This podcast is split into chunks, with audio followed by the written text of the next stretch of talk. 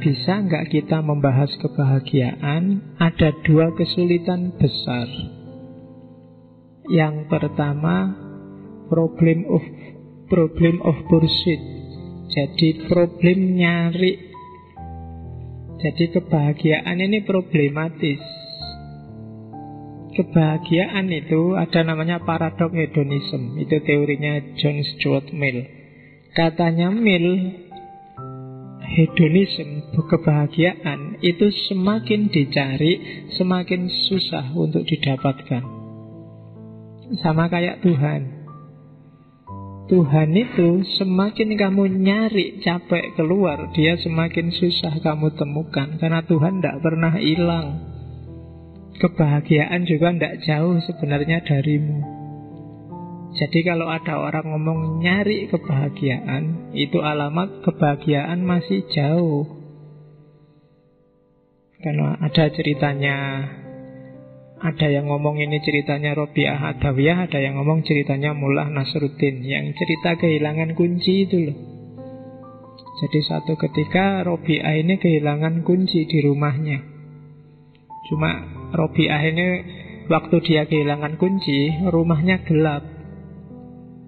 Ya mungkin PLN-nya mati telat bayar Nah, karena gelap susah toh nyari kunci di dalam rumah terus dia keluar. Diketawain sama Hasan Basri. Kamu itu kok lucu toh. Kunci hilangnya di dalam rumah.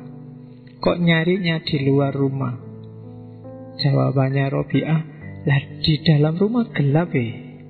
Tak cari keluar, di luar kan terang. Ya. Terus Hasan Basri jawab, "Lah kamu kok bodoh toh yo? Kalau hilangnya dalam rumah, rumahnya gelap, ya rumahnya dibikin terang. Nanti kan kuncinya ketemu." Terus Rabi'ah bilang, "Oh iya ya, berarti rumahnya kan yang dibikin terang.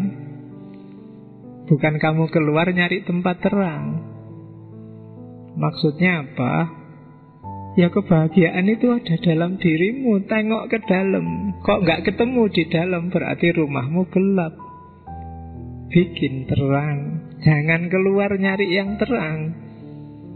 Di dalam Di luar yang terang itu Nggak ketemu kunci kamu.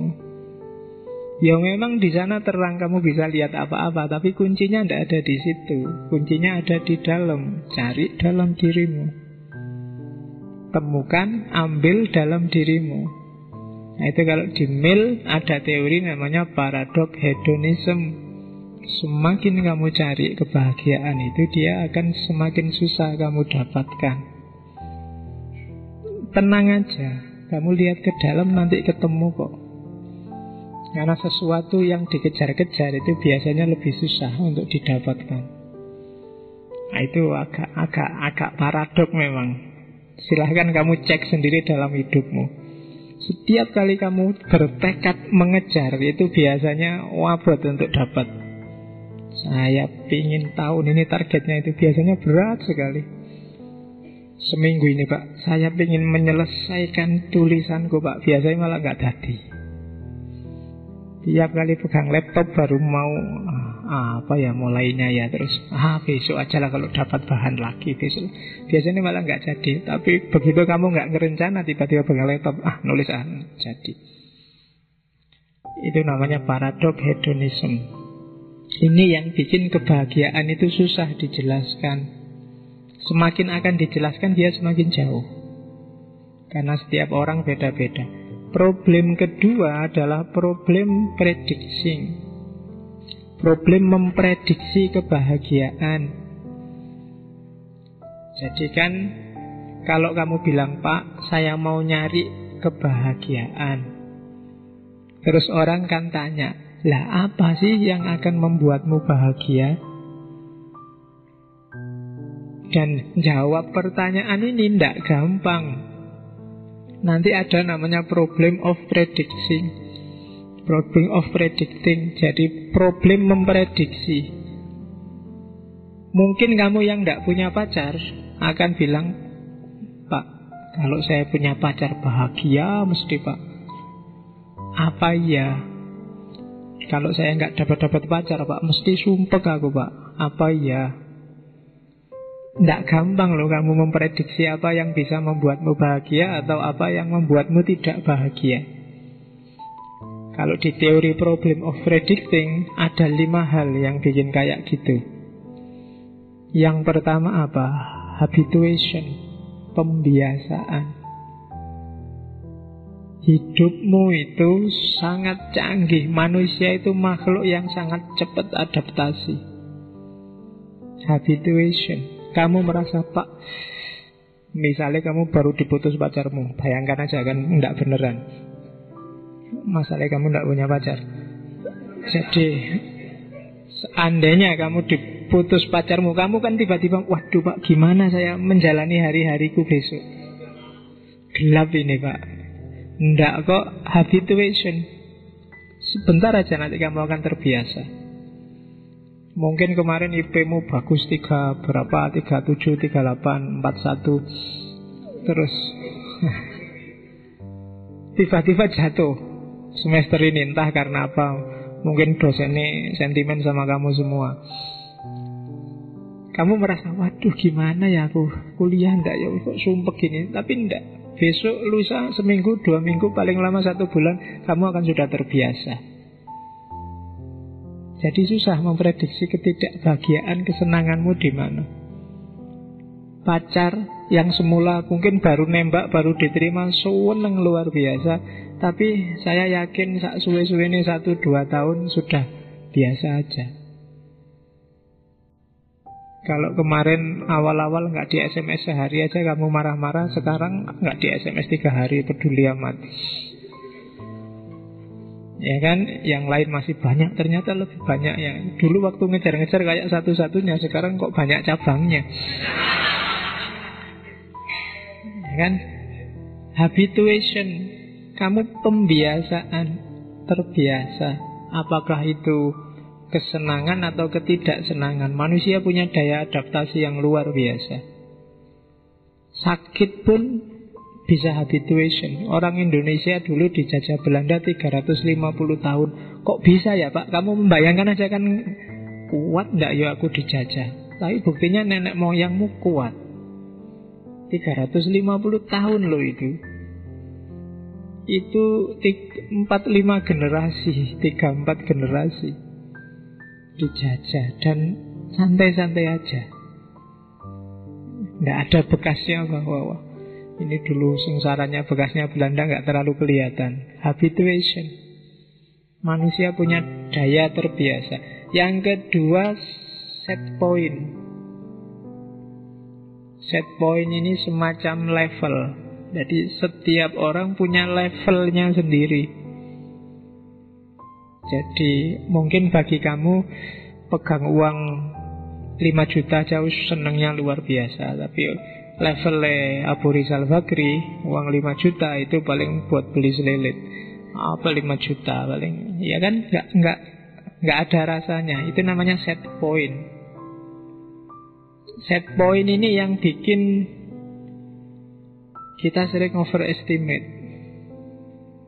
Jadi kita tidak sadar bahwa levelmu itu segitu. Dikasih lebih banyak, kamu merasa akan lebih dahsyat, tapi sebenarnya tidak. Karena set pointmu di situ. Kadang-kadang kita pakai istilah potongan kan, alah, nek potongannya orang kaya dilihat dari sudut mana pun ya kayak eh mantep kayak wong suke. Tapi nek potongan kita itu ya mungkin tidak ada yang percaya. Mbok kamu kaya beneran cerita itu orang tidak percaya ah kenapa ya kan potongan kita itu set poinnya memang set poin menengah ke bawah. Arloji yang 35 25 gitu kan. Kalau pakai arloji mahal sak juta orang tidak percaya. Allah potonganmu arloji satu juta. Atau kalau pakai arloji mahal tangannya malah gatel. Jadi ya. Itu namanya set point. Tiap orang punya set point sendiri. Bahkan kadang-kadang makanya ada ada IQ, ada SQ, EQ itu kan bisa ditakar. Itu semacam set point.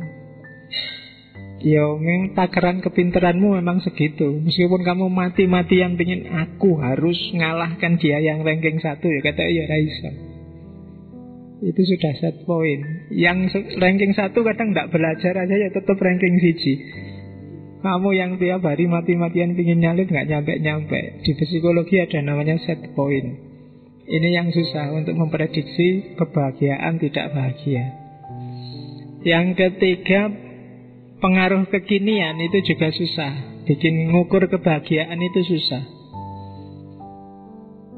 Ya kayak itu tak contohin kalau kamu sedang lapar banget. Itu lihat makanan apa saja rasanya ingin beli.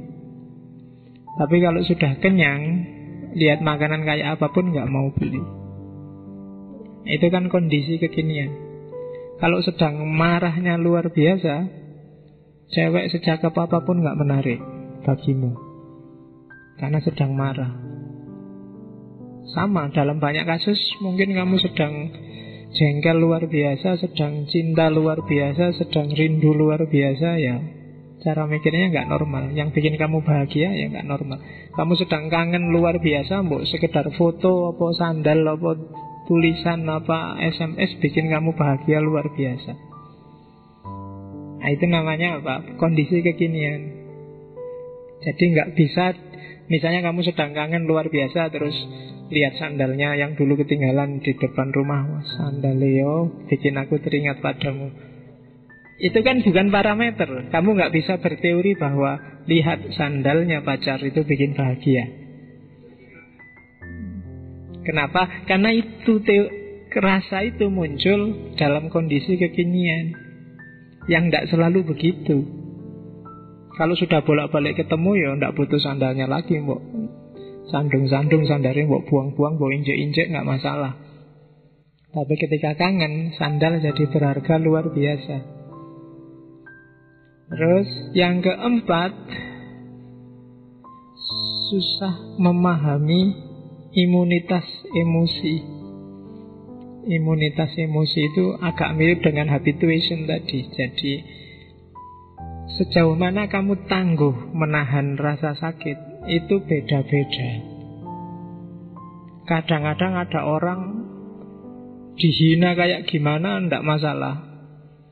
Tapi disenyumi dikit agak sinis marahnya luar biasa.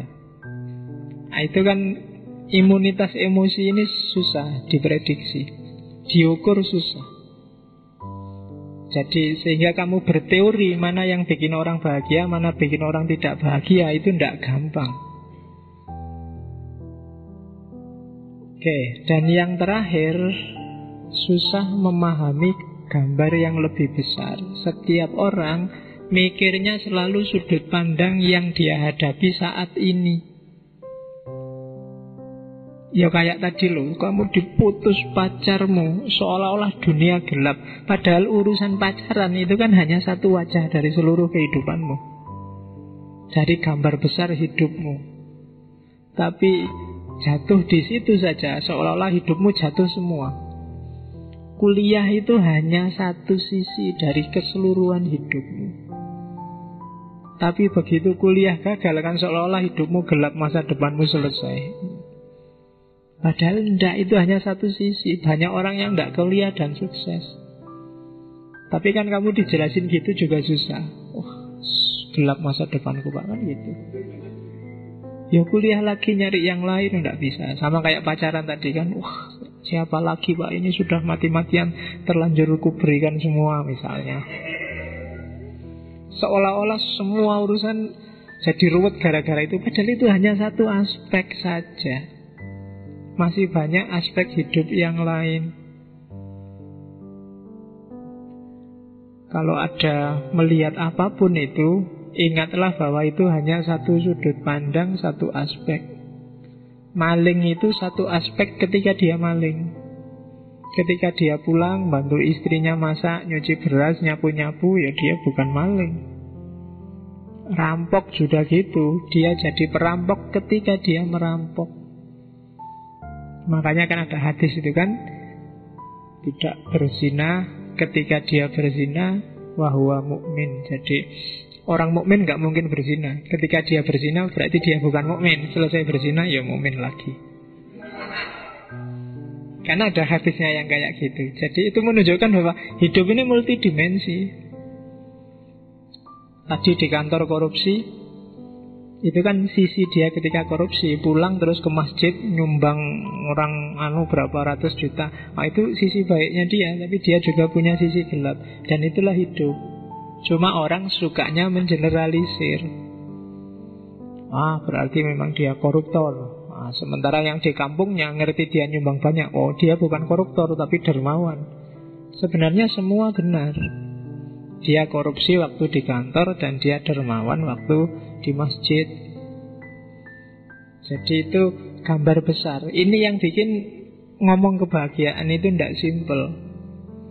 Jadi manusia itu sangat kompleks, sangat rumit. Karena Allah sudah bilang, pelajarilah alam semesta dan manusia. Kalau bagi orang Jawa, jagat gede dan jagat cilik. Jagat cilik itu mewakili jagat besar. Kalau kamu kenal dirimu, kamu akan kenal alam semesta. Kalau begitu kamu kenal alam semesta, kamu akan kenal Tuhan. Makanya man arofa nafsahu arofa robbahu.